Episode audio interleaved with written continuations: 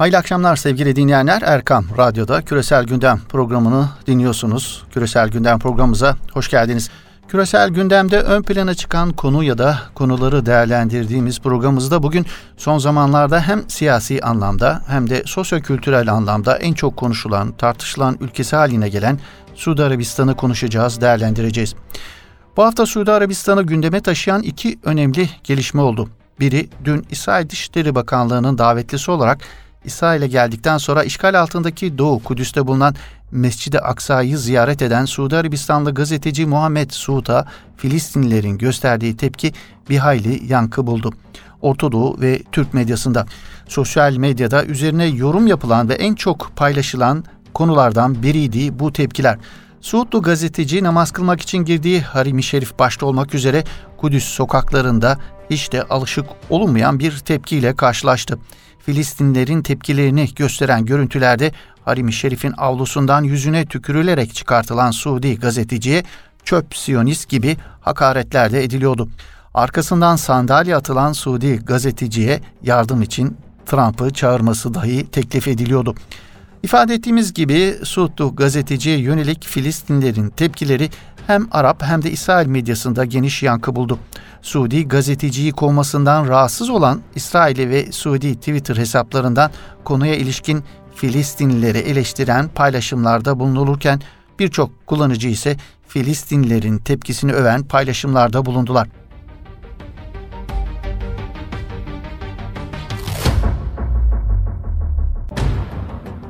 Suudlu gazeteciye yönelik tepkileri eleştiren Gayi Mayan isimli İsrailli gazeteci, Türk bayrağının Mescidi Aksa'da açıldığı bir fotoğrafı da paylaşarak Türklere helal de Suudilere haram mı diye sorarak Suudi gazeteciye yönelik tepkileri eleştirdi. Mahmut El Şeyh isimli Suudi gazeteci ise Twitter hesabından Filistinlilere ahmaklar diye seslenirken ey ahmak ve salak Filistinliler düşmanımız Farisiler ile normalleşmeyi kendinize hak olarak görüyorsunuz da bize bir kurşun bile sıkmamış İsrail ile neden normalleşmiyorsunuz açıklamasında bulundu. Suudi gazeteciye yönelik Filistinlerin tepkilerinin bu denli güçlü olmasında Suudi gazetecinin İsrail medyasına yaptığı açıklamaların da etkili olduğunu vurgulayalım bu arada. İsrail medyasına konuşan Suudlu gazeteci İsrail'i çok sevdiğini ve uzun zamandır bu ülkeyi ziyaret etmeyi hayal ettiğini söyledi. Kendi gayretleriyle İbranice öğrendiğini de söyleyen 29 yaşındaki Muhammed Suud, çok beğendiği İsrailli şarkıcılara duyduğu hayranlığı da ifade etmiş İsrail medyasına.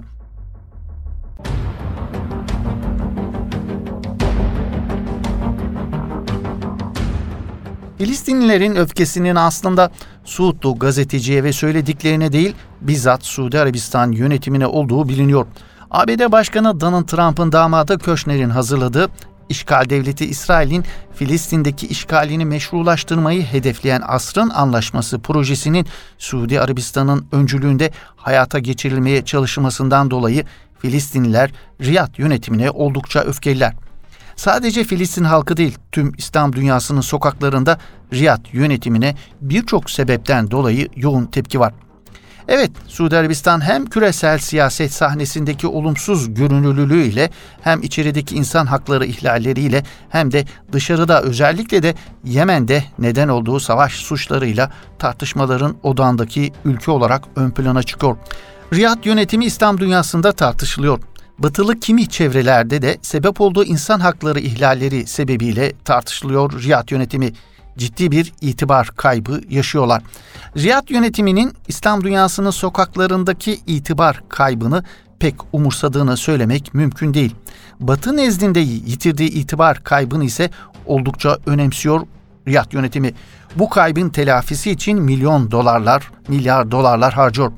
Batı'da Suudi Arabistan algısını değiştirmek için sadece milyon dolarlar harcamıyor Riyad yönetimi. Aynı zamanda sözüm ona kaybettiği itibarını ve algıyı düzeltmek için oldukça tartışmalı bir takım adımlar atmaktan da çekinmiyor. Riyad yönetiminin bu tartışmalı adımlarından biri de açılım adına özgürlüklerin önündeki engellerin kaldırılması adına gerçekleştirdiği festivaller. Mekke'ye Harim-i Şerif'in neredeyse hemen dibinde sayılacak yerlerde düzenlediği festivallere yönelik eleştiriler gelse de Suudi yöneticiler bu türden etkinliklerin aşırılıkla mücadelenin en etkili silahı olduğunu savunuyorlar. Batılı şarkıcıların katıldığı açık hava konserlerinden yansıyan görüntülerin sosyal medya mecralarında paylaşılmasıyla birlikte muhafazakar kimliği ile bilinen Suudi Arabistan'ın nereye gidiyor sorusu gündeme taşınmış vaziyette.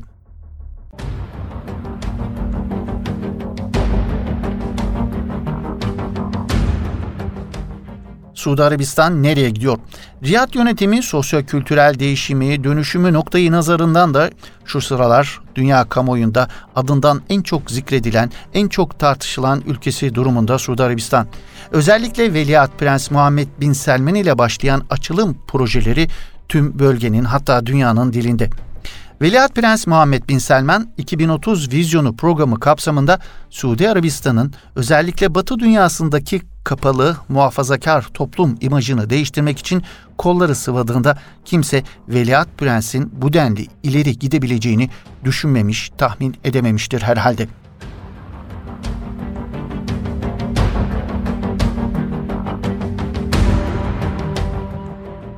Gerçekten de Suudi Arabistan hem siyasi anlamda hem sosyo-kültürel anlamda çok hızlı bir değişim, dönüşüm yaşıyor. Özgürlüklerin geliştirilmesi adına gençlerin özgürce eğlenmesi adına eğlenmelerinin önündeki engeller bir bir kaldırılıyor. Ancak aşırılıkla mücadele ve gençlerin eğlenmelerinin önündeki engeller kaldırılırken başta din adamları bırakın özgürce düşüncelerini ifade edebilmeyi, Riyad yönetiminin icraatlarını destekleyen sosyal medya paylaşımlarında bulunmamaları sebebiyle tutuklanıyor. Bin Selman'ın veliaht prens olduğu Suudi Arabistan'da. Bin Selman'ın veliaht prens olarak tayin edildiği günlerde Liberal Veliaht Prens Taht Yolunda başlığıyla yayınlanan bir makalemizde yeni Veliaht Prens'in izleyeceği siyaset tarzına ilişkin bir takım değerlendirmelerde bulunmuştuk. Bin Selman'ın Veliaht Prens olduğu tarihe kadar Suud yönetimlerinde oldukça etkili olan din adamlarıyla arasına mesafe koyacağının altını çizmiştik. Ortadoğu analizlerinde de bu yönde beklentiler dillendiriliyordu. Bin Selman tahminlerin, öngörülerin doğrultusunda hareket ettiğini tekim. Ama açıkçası kimse Bin Selman'ın din adamlarıyla yönetimi arasına mesafe koyarken bu denli despotikleşeceğini tahmin edemedi. Bin Selman açılım adına atacağı adımları daha atmadan bu adımlara itiraz edecek başta din adamları olmak üzere hemen herkesi tutukladı. Demir yumruk politikasıyla Suudi toplumunda oluşturduğu korku atmosferiyle açılım projelerini bir bir devreye sokan Bin Selman hem Batı dünyasındaki Suudi Arabistan algısını düzeltmek hem de petrol dışı gelirleri artırmak iddiasıyla hareket ediyordu. Bu noktada ilk icraatlarından biri olarak eğlence sektörünü kurumsallaştırdı. Kraliyet kararnamesiyle Suudi Arabistan Genel Eğlence İdaresi ismiyle garabet bir kurum dahi ihtas etti. İdarenin başına getirilen Orta Doğu'nun en tartışmalı isimlerinden Türkiye Ali Elşey, eğlence sektörüne önümüzdeki 10 yıl için tam 64 milyar dolar yatırım yapacağını müjdeledi Suudi Arabistan halkına.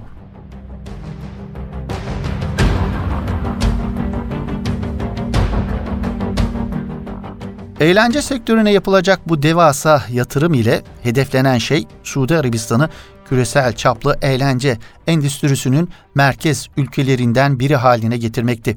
Suudi Arabistan'ı Körfez'in yeni Dubai'si yapmaktığı bir başka deyişle. Bu hedef doğrultusunda onlarca sinema salonları açıldı. Harimi Şerife birkaç kilometre uzaklıkta kadınlı erkekli açık hava konserleriyle Suudi Arabistan Eğlence İdaresi tartışmaların, eleştirilerin odağı haline yerleşti. Bin Selman'ın açılım projeleri özellikle eğlence sektöründeki etkinlikler muhafazakar Suudi Arabistan toplumunun tahammül eşini kat be kat aşmış vaziyette. Ancak ülkede oluşturulan korku eşiği o denli yukarılara çekilmiş durumda ki festival adlı etkinliklerde ortaya çıkan absürtlüğe Suudi Arabistan içinden güçlü bir tepki koyulamıyor. Tepkiler ancak sosyal medya kanallarından o da ancak gizli saklı isimler üzerinden verilebiliyor. Suudi Arabistan Eğlence İdaresi'nin festivaller kapsamında sergilediği futursuzlukta o denli ileri gitmiş durumda ki işi oldukça müstehcen kılık kıyafetiyle, şarkı sözleriyle, savunduğu şaz düşünceleriyle, İslam karşıtı duruşuyla bilinen ahlaksızlığın zirve noktasındaki şarkıcıları dahi hem de haç mevsiminde Harim-i Şerif'in hemen yanı başında sayılabilecek yerlerde konser vermeye davet etmeye kadar vardırmıştır. Evet açılım adına atılan bu adımlara ifade ettiğimiz gibi içeriden ürkek de olsa sosyal medya kanallarından gizli gizli de olsa eleştiriler yapılıyor. Ama madalyonun diğer yüzünde ise bu konserlere katılım oranlarının yüksekliği, oralardan yansıyan görüntüler oldukça düşündürücü. Bu görüntüler muhafazakar Suudi Arabistan toplumunun da çok ciddi kültürel bir erozyona uğradığını gösteriyor. Bin Selman'ın açılım projeleri ile bu erozyon her geçen gün daha da derinleşecek gibi gözüküyor. Evet toparlarsak Bin Selman hem ülkesi Suudi Arabistan'ı hem bölgeyi hem de Suudi halkını oldukça kaygı veren bir sona doğru sürüklüyor.